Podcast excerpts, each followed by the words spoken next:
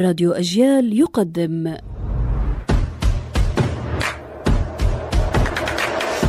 أصل الكلام عارف حجاوي كلمة سمعتها في عام 76 في يوم الأرض في أول يوم أرض في آذار عام 76 وقف الدكتور شريف كناعني يشرح لنا نحن الطلبة في جامعة بيرزيت ما حدث في الجليل.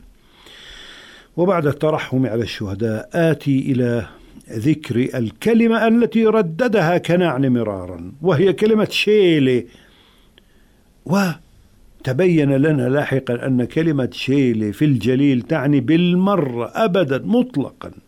هذه الكلمة حيرتني كثيرا ولكن قبلها بسنة حيرتني كلمة أخرى مشابهة.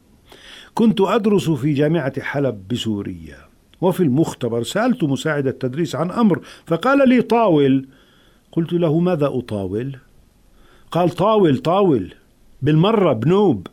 ففهمت. هناك يقولون طاول بمعنى أبدا. وبعد ذلك جاءتني كلمة شيلة نحن نقول شيلة بيلة هذه أعرفها نقولها للشروة العشوائية. تقول للبائع هات أعطني كل الباذنجان الذي على الفرش. فيقول لك شيلة بيلة بعشرة دنانير فأما شيلة وحدها فشيء مختلف.